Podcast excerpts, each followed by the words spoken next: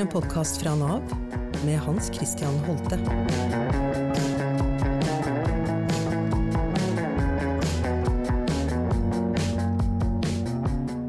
Dette er Nav-direktør Hans Christian Holte. Det er veldig hyggelig å kunne ønske velkommen til Holtes Halle, som er en helt ny podkast. Det nye året er i gang, og sjelden har vi opplevd at det har vært så turbulent som det er akkurat nå. Men her jeg sitter, i fyrstikkalleen på Helsfyr i vintermørket, så syns jeg allikevel det er stas å kunne dra i gang eh, med første episode av denne podkasten. Hit vil jeg invitere kjente og ukjente mennesker til å utforske velferdssamfunnet vårt og livene vi lever. Her skal både jeg og dere som hører på bli litt bedre kjent med spennende mennesker med historier å fortelle, og med personlige eller profesjonelle erfaringer som vi kan lære av. Hvor godt fungerer egentlig det norske velferdssamfunnet? Hvor er det løsningene ligger? Dette er spørsmål som vi skal bale med i tiden framover gjennom en raus halvtime.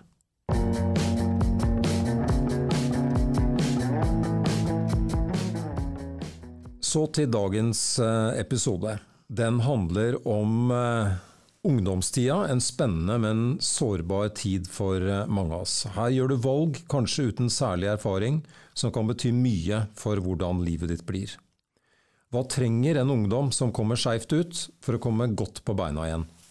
Hva gjør vi som enkeltmennesker og som samfunn for å hjelpe? Og hvor går grensa mellom jobben og privaten når vi brenner for det vi gjør? Dette er temaet vi skal snuse på den nærmeste halvtimen. I høst kom filmen 'Krigere' til norske kinoer. I filmen så følger vi miljøarbeideren Berat eh, Yusufi, som forsøker å redde unggutten Mamo fra et kriminelt nettverk. Og dette er en virkelig historie som Berat og Mamo gjenforteller i filmen. Og Berat strekker seg langt for å hjelpe. Hør på dette. Faen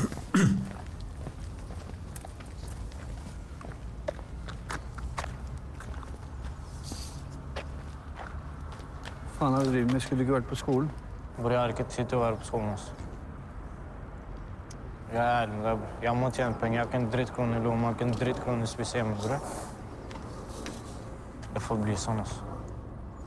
Det får bli sånn. Da kan ikke jeg hjelpe deg videre.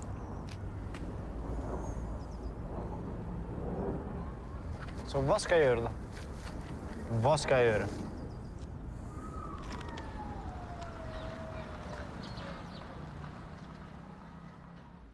Berat, det er eh, utrolig fint å ha deg som, eh, som, gjest her eh, i dag. Så velkommen til Holtes Halle. Er det miljøarbeider som er tittelen din i Nav i dag, Berat, eller er det noe annet? Det er kompis, men i, i, det offentlige så heter det vel miljøarbeider, den stillingen. Jeg jobber som miljøarbeider på siden av den faste stillingen min som jeg har i bydel Grünerløkka som boligfremskaffer eller boligkonsulent. Filmen 'Krigere', som vi hørte, den handler jo først og fremst om, om deg eh, og unggutten Mamo. Kan ikke du si litt om eh, hva som skjer i, i filmen 'Krigere'?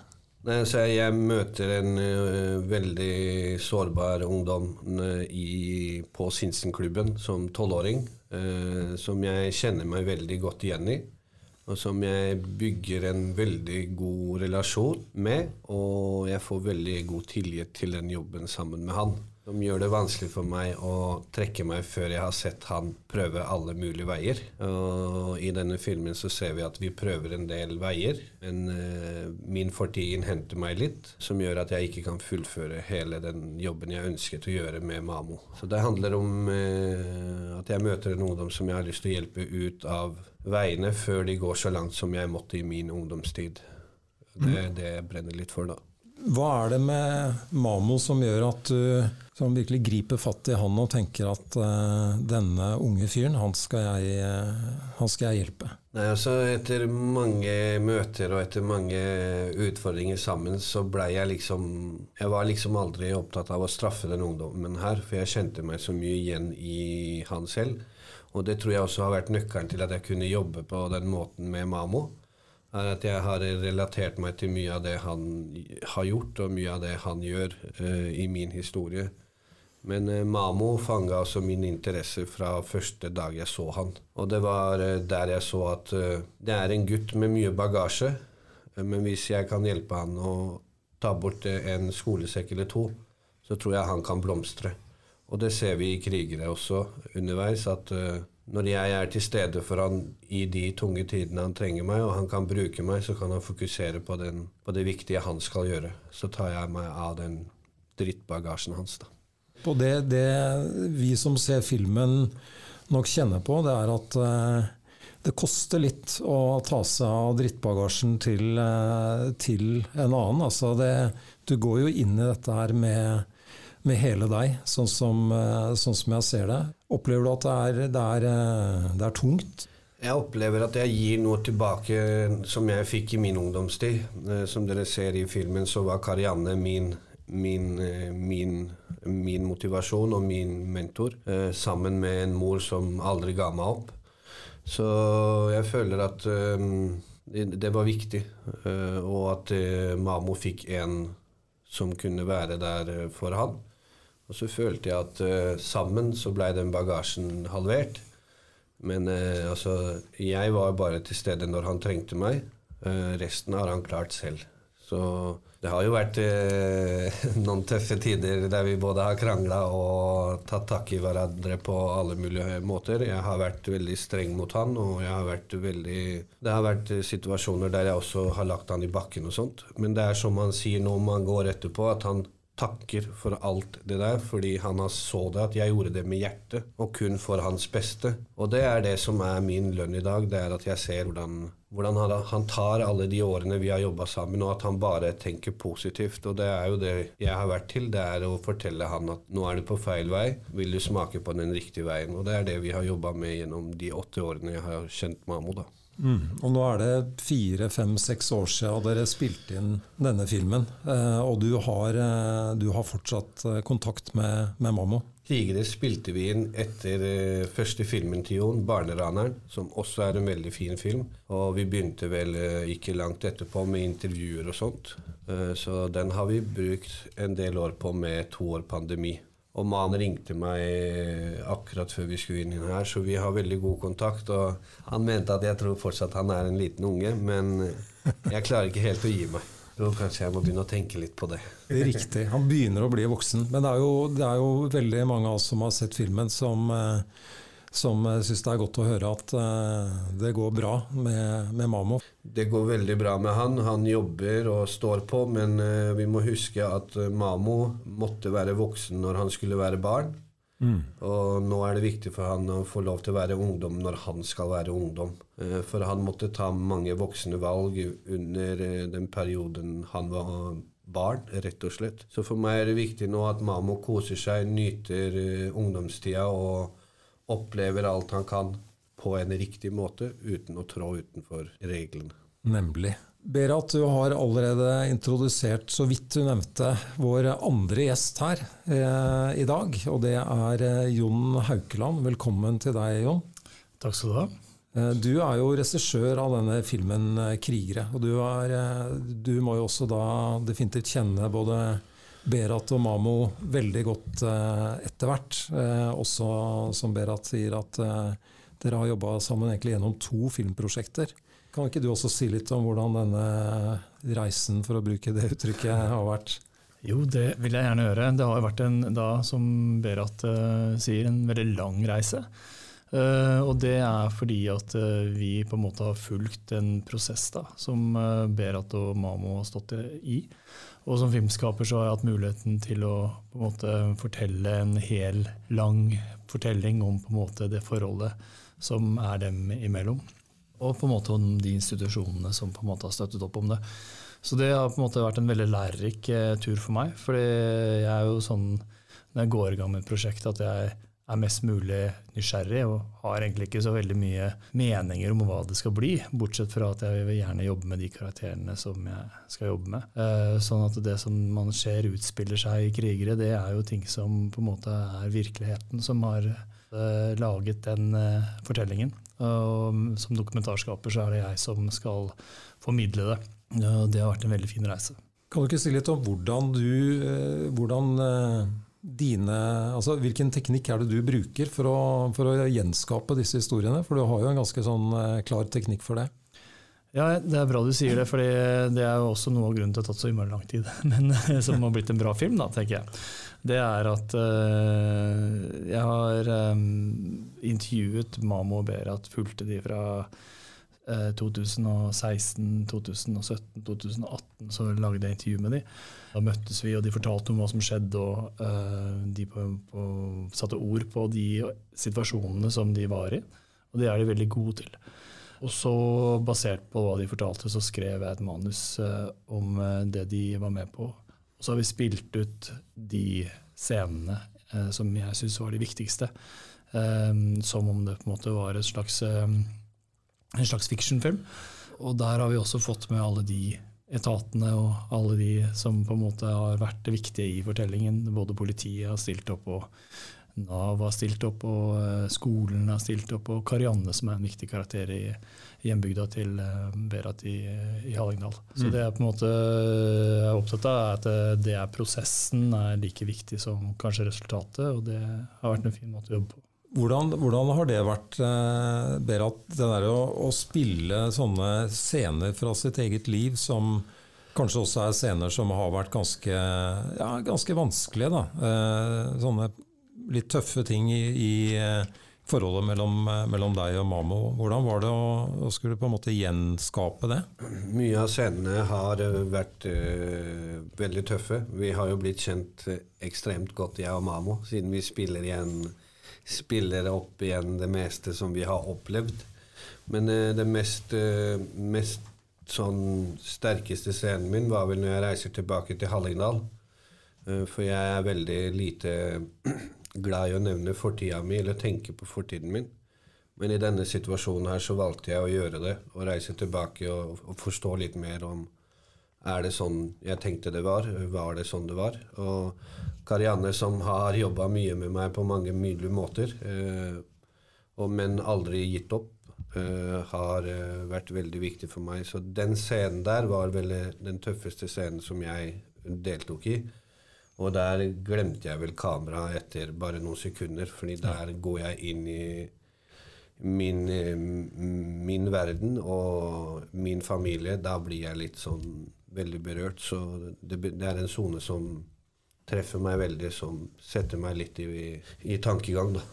Ja. Uh, og så er det jo den, uh, den, episoden når jeg er på avhør og får beskjed av Nils om at uh, det var meg de var ute etter, men ikke Mamo da raste litt ting, og da var jeg veldig forbanna. Og ringte Jon og fikk lov til å tømme meg på hjemme hos han. Men jeg var rimelig, rimelig sint da. Eh, men i dag så er jeg også på at eh, politimenn er også mennesker, de også kan gjøre feil. og de beklager seg, jeg beklager seg, men vi har et felles mål der om å redde ungdommer ut av kriminalitet.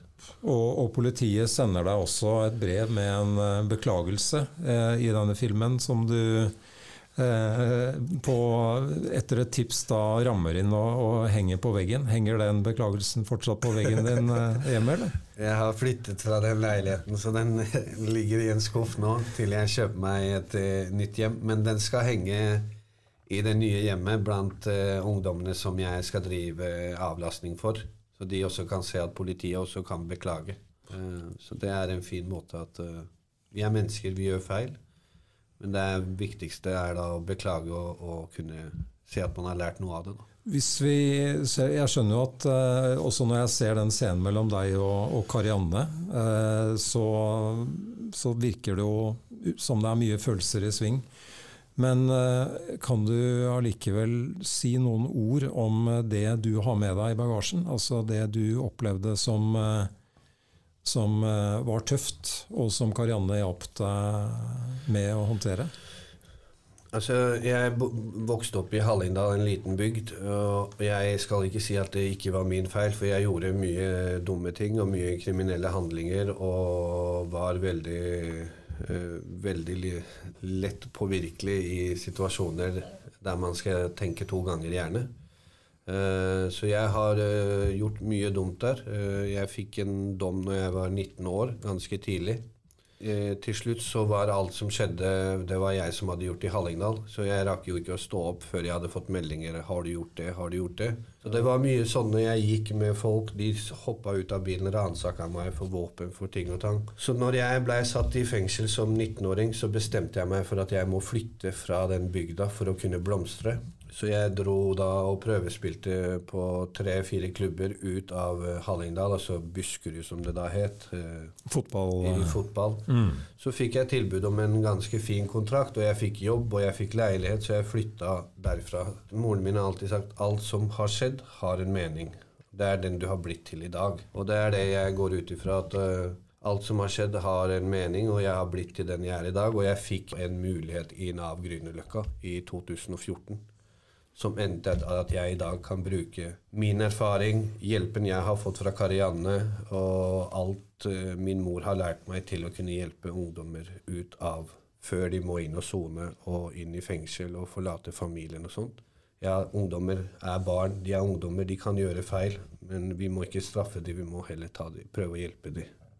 Så du kjenner at den, den erfaringa du har, den, den hjelper deg å se disse ungdommene og egentlig skjønne dem? ikke sant? Er det, er det sånn du opplever det, at du, du kan i grunnen lettere hjelpe dem fordi du vet mer om hvor, hvor de er hen? Jeg har stor respekt for uh, sosionomer, de som har masse skole og har skole, og jeg skal også utdanne meg. Men jeg tenker at med den målgruppen ungdommer som er veldig utfordrende, uh, som, ikke, som allerede har en skeiv grunnmur, der må det folk som kan snakke samme språk. Og da mener jeg da folk som har opplevd noe av det samme, som kan bruke den fortiden som en verktøykasse og møte de ungdommene som vi i dag strever eh, med masse forskjellig. eh, At vi kan møte de på en enklere måte da, enn å flytte de i skogen med fantastisk utsikt og et skap med langarma undergensere og kortarma undergensere. Nettopp. Det, nå skildrer du vel litt av den situasjonen som Mamo havnet i på et tidspunkt i,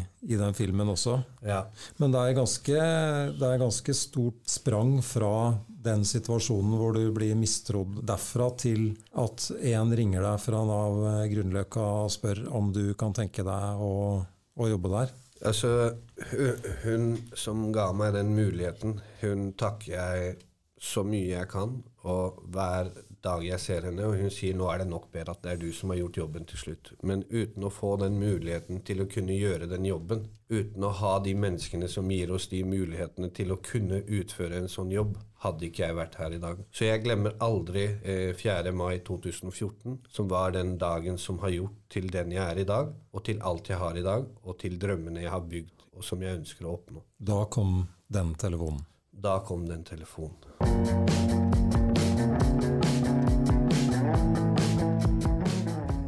Jon, jeg kunne tenkt meg å, å høre med deg, for at du har, eh, du har jo levd eh, sånn som jeg hører det, da, og oppfatter det ganske tett på disse to gutta som vi nå snakker om, eh, Berat og Mamo, i mange år. Kan ikke du si litt om hvordan du opplever, eh, sånn sett fra, fra ditt blikk, da, hvordan er det du opplever det de har gått gjennom?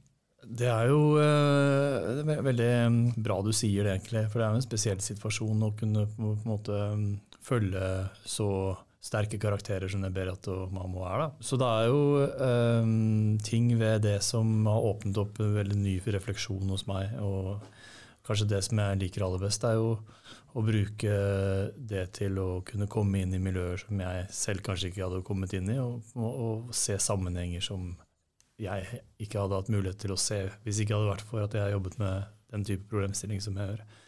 Så um, det har vært uh, en uh, døråpner inn til uh, mange ting. Jeg syns um, kanskje um, det som jeg synes var veldig spennende å skildre, var omsorgsevnen til Berat i forhold til Mamo. For jeg opplever at, også i forhold til når jeg lagde Barneraneren, at veldig mange som jobber med barn og ungdom, er veldig frustrert over at ikke de får det til. Eh, at de ikke de når fram, og at de ikke blir hørt av de barna de skal jobbe. Um, så det jeg har uh, syntes vært interessant å følge og skildre, det er hva er det som når fram? Hva er det som, hvilken kommunikasjon er det den målgruppa kan ta imot? Eh, og det har vært de fineste egentlig, scenene som jeg har kunnet jobbe med. da. Ja, Det, det syns jeg at jeg ser i den filmen, altså nettopp det blikket der. da, at du, Det er jo uh, sterke scener med, med hvordan du snakker med, med Mammo Berat, og også hvordan f.eks. dette thaiboksingsmiljøet som, som Mammo er en del av etter hvert, hvordan det også fungerer, rett og slett, og, og viser omsorg. da. Vil du si noe mer om hva du egentlig er ute etter når du lager eh, film? Ja, så jeg tenker at eh, både den filmen som kom før, da, 'Barneraneren', som eh, var eh, den første filmen eh, som eh, skal bli en trilogi med krigere etterpå, også en ny film som jeg skal lage, som jeg syns er interessant, er at vi lever i en veldig periode nå, opplever jeg, hvor, hvor mange ønsker å få veiledning. Kanskje når jeg var ung selv, så var det sånn frihet vi søkte. Um, mens jeg opplever nå at veldig mange ønsker grenser. Uh, de ønsker å bli få på en måte um, et omriss for hvordan de skal leve. Um, og det syns jeg er veldig interessant sånn rent som filmskaper. da. At ikke det er den friheten man skal skildre, men egentlig på en måte hva er rammene som folk ønsker i livet sitt. Det jeg kunne tenkt meg nå, er at vi hører et uh, lite utsnitt fra filmen som også forteller litt om uh, tenker jeg Berit, om hvordan du satser rett og slett i jobben din. Hør på dette. Hva skjer da? Nei, Bare chiller'n. ass.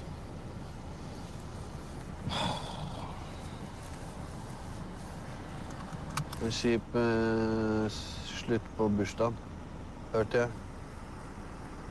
Dagen endte ikke som du skulle. Det gikk til helvete, altså.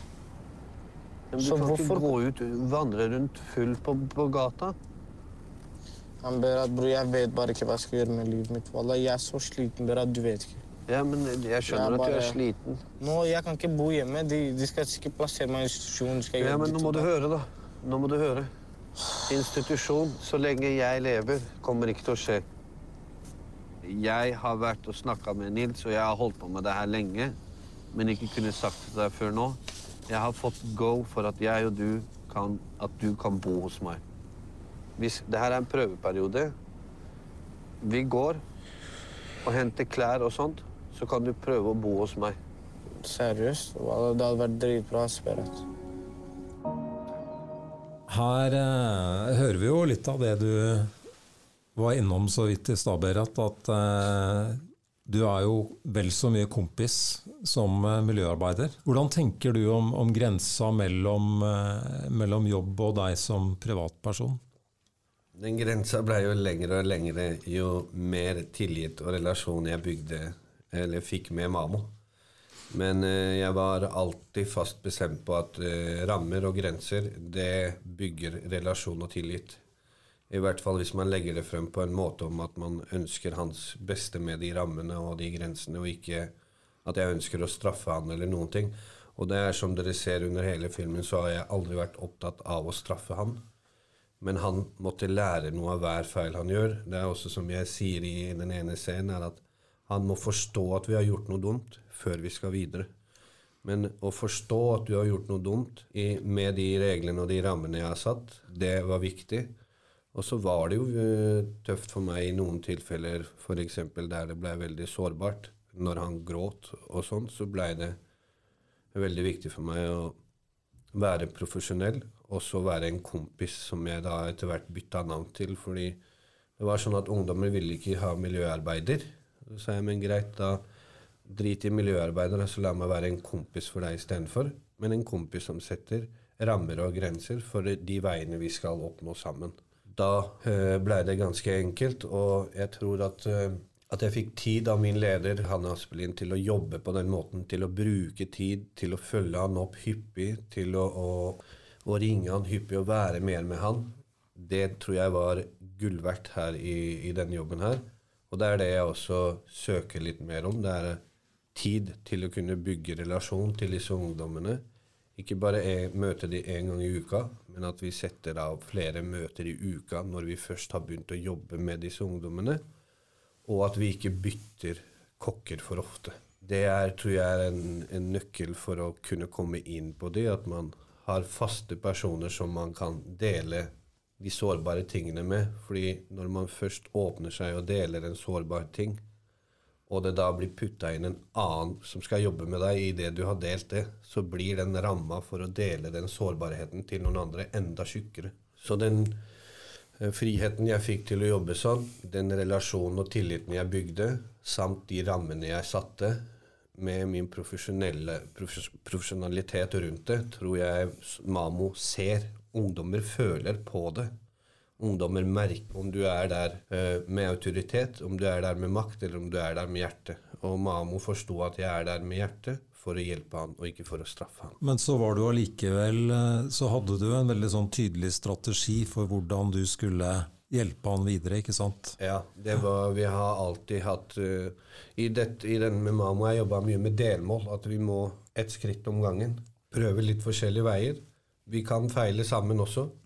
Men vi skal gjøre ting riktig også. Så det var å finne en balanse rundt det. Det var tøft i tider, men etter hvert så ble det enkelt. For han forsto det selv også når jeg måtte være streng, og når jeg kunne være kompis, og når jeg virkelig ikke kunne noe annet enn å sette grenser. De tre tingene skilte han, og så han så veldig tydelig etter noen år, og da ble det enklere for meg å jobbe med han de siste årene. Og så hadde du, som du sa, en leder som eh, ikke stilte spørsmålstegn ved det at du f.eks. lot Mamo bo hos deg en periode. ja, altså Med min fortid og min sånn, så har jeg aldri gjort noen ting uten å få aksept og godkjenning fra min leder. Så jeg satt jo lenge inne med den drømmen. Jeg, fordi jeg skjønte jo på møter og sånt at neste blir institusjon. Så jeg satt jo mange uker og måneder inne, med, inni meg selv og tenkte Kan jeg tilby meg, eller blir det? Og til slutt så tenkte jeg bare Jeg bare spør. Det verste som skjer, at jeg får nei. Og da spurte jeg, og da sa hun Hvis du har lyst, hvis du mener at det er det eneste som hjelper, kjør. Ja, akkurat. Og da kjørte vi, og resultatet har vi på en film i dag. Mm. Men så er du altså del av uh, mange som, uh, som eh, møter mange som har eh, eh, som kanskje har utfordringer, har det tøft. Eh, den måten å jobbe på som du snakker om der, kan vi få til den i stor skala? Altså, jeg tenker det som miljøet ditt eller arbeidsplassen din på Grünerløkka har begrensa ressurser, har kanskje mange ungdommer som de trenger å hjelpe. Er det, er det bærekraft i den måten å jobbe på, tenker du? Altså Bydel Grünerløkka gjør jo mye fint. Vi er jo en bydel som gjør mye fint. Og den, en av de fineste bydelene med en av de største bydelene nå. Uh, vi, har vi, har nok flere med den målgruppen enn andre bydeler. Selvfølgelig Groruddalen og sånt har med, med, med, mer av den. Men jeg håper at vi kan lage noen mellomstasjoner. Altså Mellomstasjoner trenger ikke å være dyre. De trenger, det kan være en erfaringskonsulent som åpner sitt hjem og har en ungdom hjemme hos seg. Det kan være at uh, vi bruker mer av erfaringskonsulenter som man kan relatere sin historie med. Og så må man uh, finne kandidater som kan matche med de her. Matching, tid til å matche og til å bygge relasjon, det er det som trengs, tror jeg. Og så uh, trygge rammer og en fast person, ikke så mange kokker. Da tror jeg ikke vi trenger å sende folk på institusjon og heller ikke i fengsel i så tidlig alder. Da tror jeg man kan forebygge ganske mye mer eh, hvis vi kan gjøre det litt enklere. Og så er jeg jo litt redd etter to år pandemi at eh, folk har blitt litt mer skremt for å kunne si ifra om hjelp. Og så er det som vi har snakket litt med Jon om tidligere òg, vi har jo Mamo-ungdommer som er høylytte, som man ser. Eh, fordi de krever den derre Du ser det, de, de, er, de, er, de er mye energiske. Men så har vi de stille barna som vi ikke ser, som ikke skriker, men som kanskje trenger enda mer hjelp enn det Mamo trenger. Så enklere veier for ungdom å kunne be om hjelp, bruke litt uh, mer skreddersydd løsning. Altså at man kan bruke uh, utdanning og livserfaring sammen for å skreddersy en løsning til disse ungdommene. Du bruker den tida til å liksom, se dem litt skikkelig eh, før, du, før, du, setter inn eh, neste, neste, skritt. Ja, altså, ikke det at man må bruke åtte år som jeg har brukt på Mano, på alle vi skal hjelpe. At man heller tenker på hvorfor ber han om den hjelpen. Så Det er som jeg pleier å si, det er ingen som står opp og vil gå på Nav og søke nødhjelp. Eller bli sosialklient, eller bli kriminell, eller selge dop, eller banke noen, eller drepe noen. Det kommer fra et sted. Og hvis vi kan starte med å finne stedet det kommer fra, istedenfor 'hvorfor gjør du det', så tror jeg vi kan forebygge og gå litt tidligere inn i å hjelpe dem. Det er et håp. Det er et bra håp, tenker jeg. Absolutt. Du,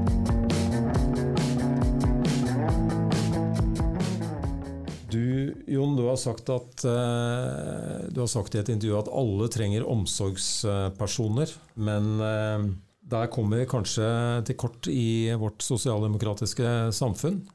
Noe i den gata tror jeg du har sagt. Og det, det er jo et spørsmål altså, eh, om vi som velferdssamfunn kan erstatte de de familierelasjonene da, kanskje som er, er det som uh, i utgangspunktet skal gi oss den, uh, den omsorgen? Jeg tror vi, vi, pleier å si at uh, når vi viser filmen som, til et ungt publikum som har gjort veldig mye, så pleier jeg alltid å si at de fleste I Norge så har vi på en måte to familier. Vi har den nære familien vår, og så har vi den omsorgsfamilien som du sier, da, som er velferdssamfunnet. Og så er det sånn at for de som ikke har eh, den nære familien som kan ta vare på de der og da, så er det stort krav til de andre, da, som er den andre familien, storfamilien. Og, der, eh, og da ser jeg på en måte ofte at det vekker, det vekker en annen ja, De får en tanke som de kanskje ikke har eh, helt tenkt på før. fordi det har jo ikke noe ansikt, det velferdssamfunnet. Så det er jo liksom det jeg har prøvd å gjøre med barneraneren og krigere, det er å gi de noen ansikter. da som eh, barn og ungdom kan eh, se. Hva er det? Hvem, hva er omsorgs... Eller hva er velferdssamfunnet? på en måte? Hvordan spiller det seg ut i livet til de som ikke har den nære familiestrukturen? Hva var det som fikk deg interessert i denne tematikken som du tydeligvis har holdt fast i i mange, mange år? da? Um, det er mange grunner til det, men um, jeg tror uh, jeg har sett en utvikling kanskje her i byen hvor uh, jeg ser at uh, det er veldig mange unge mennesker som trenger det. Kanskje spesielt har jeg, har flyttet veldig tidlig til bydel Grünerløkka, jeg også. Jeg har kanskje sett det der og, og har bodd i bydel Indre Oslo i um, mitt voksne liv. Men så har jeg også fått mulighet til å reise veldig mye rundt i verden, men først og fremst i Norge med mine filmer. Og da har jeg sett at det, eh, det som vi ofte snakker om som Oslo-problematikk, det er ikke en Oslo-problematikk, det er en Norges-problematikk. Og derfor så var det veldig fint å ha, en, eh, to, eh, ha på en måte et by- og landperspektiv på denne filmen, um, og jobbe med Hallingdal. For jeg føler ofte at alle sånne type problematikker blir assosiert med Oslo indre øst eller Groruddalen eller noe sånt, men det er eh, en, eh, en, problematikk som du vil finne alle steder i Norge.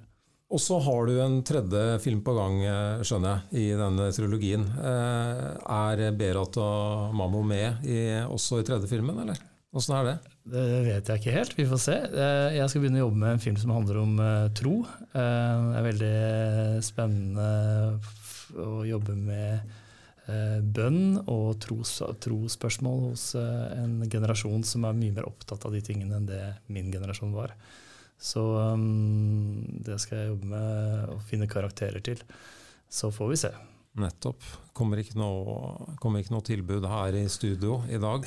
Eh, hva tenker du, Berat? Er det en film du kunne vært med i? Hva jeg hører nå, kanskje ikke, men hvis eh, tematikken endrer seg, og sånn, så veit Jon at eh, jeg er bare en melding eller en telefon unna, så stiller jeg på det meste i forhold til hans prosjekter uansett. Nei, og du, eh, du Jon, er jo også Vi, vi snakka litt om det å, å være kompis istedenfor miljøarbeider. Du er jo nesten kompis istedenfor regissør. Er det sånn, eller? Det er, dere har i hvert fall ganske tett relasjon, dere også?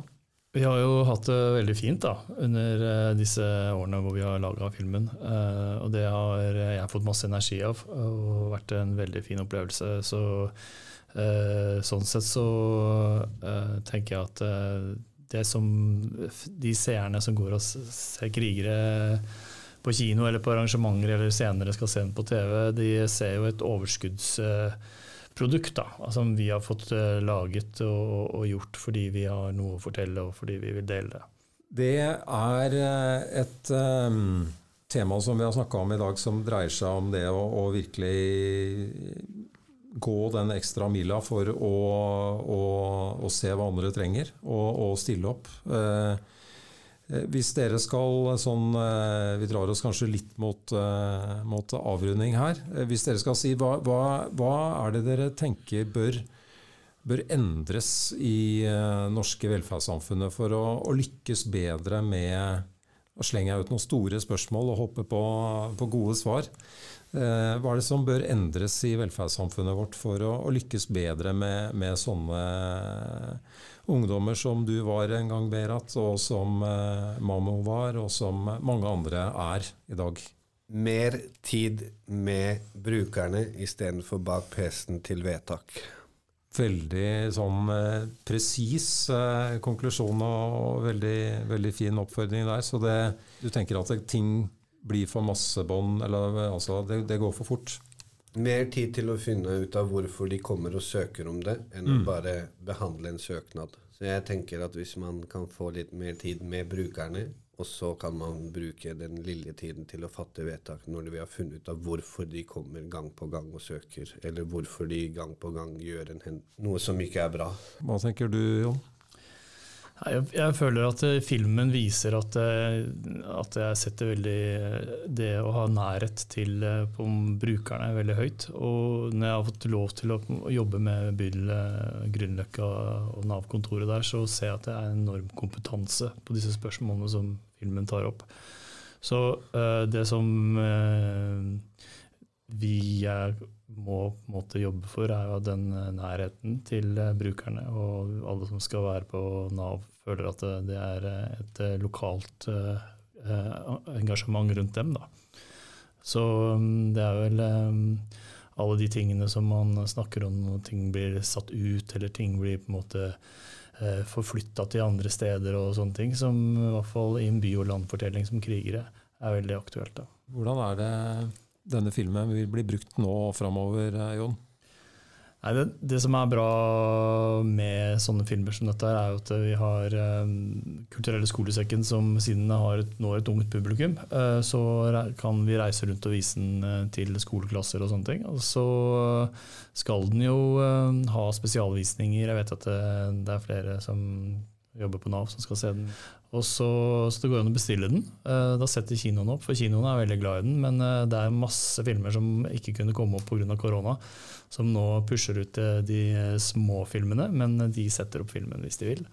Så, eller noen vil. Så det er egentlig bare å kontakte kinoene der du bor. Så, og hvis du er en gruppe, da, så får du forestilling. Det er bra. Vi er, eh, vi er, helt på tampen med å spørre deg, Berat. Jeg så jo i filmen at du var en meget lovende fotballspiller eh, da du spilte på Gol bl.a. Hvis du nå som ser på livet ditt og, og det du gjør nå, som, hvor ville du vært? Ville du vært fotballspiller, eller ville du vært eh, kompis, eh, sånn som du er, er i dag? Jeg tror jeg ville vært fotballspiller og kompis for noen som hadde trengt meg. Men eh, jeg er veldig fornøyd med livet jeg har nå, så, og alt jeg har oppnådd nå. Og så er jeg veldig stolt av eh, en mor som også har stått bak meg gjennom tykt og tynt. Så hun har mye av æren for alt jeg har eh, oppnådd og oppnår i dag. Hun eh, hun har slitt mye med meg, men jeg prøver å gi tilbake så mye jeg kan nå ved å gjøre henne stolt ved alt jeg skal oppnå, og alt jeg har fått til. Jeg tipper hun er ganske stolt uh, i dag. Det er hun. Berat og, og Jon, utrolig fint uh, å ha dere her uh, i studio. Tusen takk for at dere kom. men jeg vil jo si at få filmer kanskje gir så mye mening, da. Eh, I hvert fall sånn som jeg tenker på det. Eh, og sier såpass mye om noen av de utfordringene vi har i, i Norge i dag, som eh, filmen 'Krigere'. Så kommer den da tilfeldigvis til en visning i nærheten av deg, så, så vil jeg oppfordre deg til å, å, se på denne. Flott å ha dere i studio, og takk for i dag. Tusen takk. Takk skal du ha.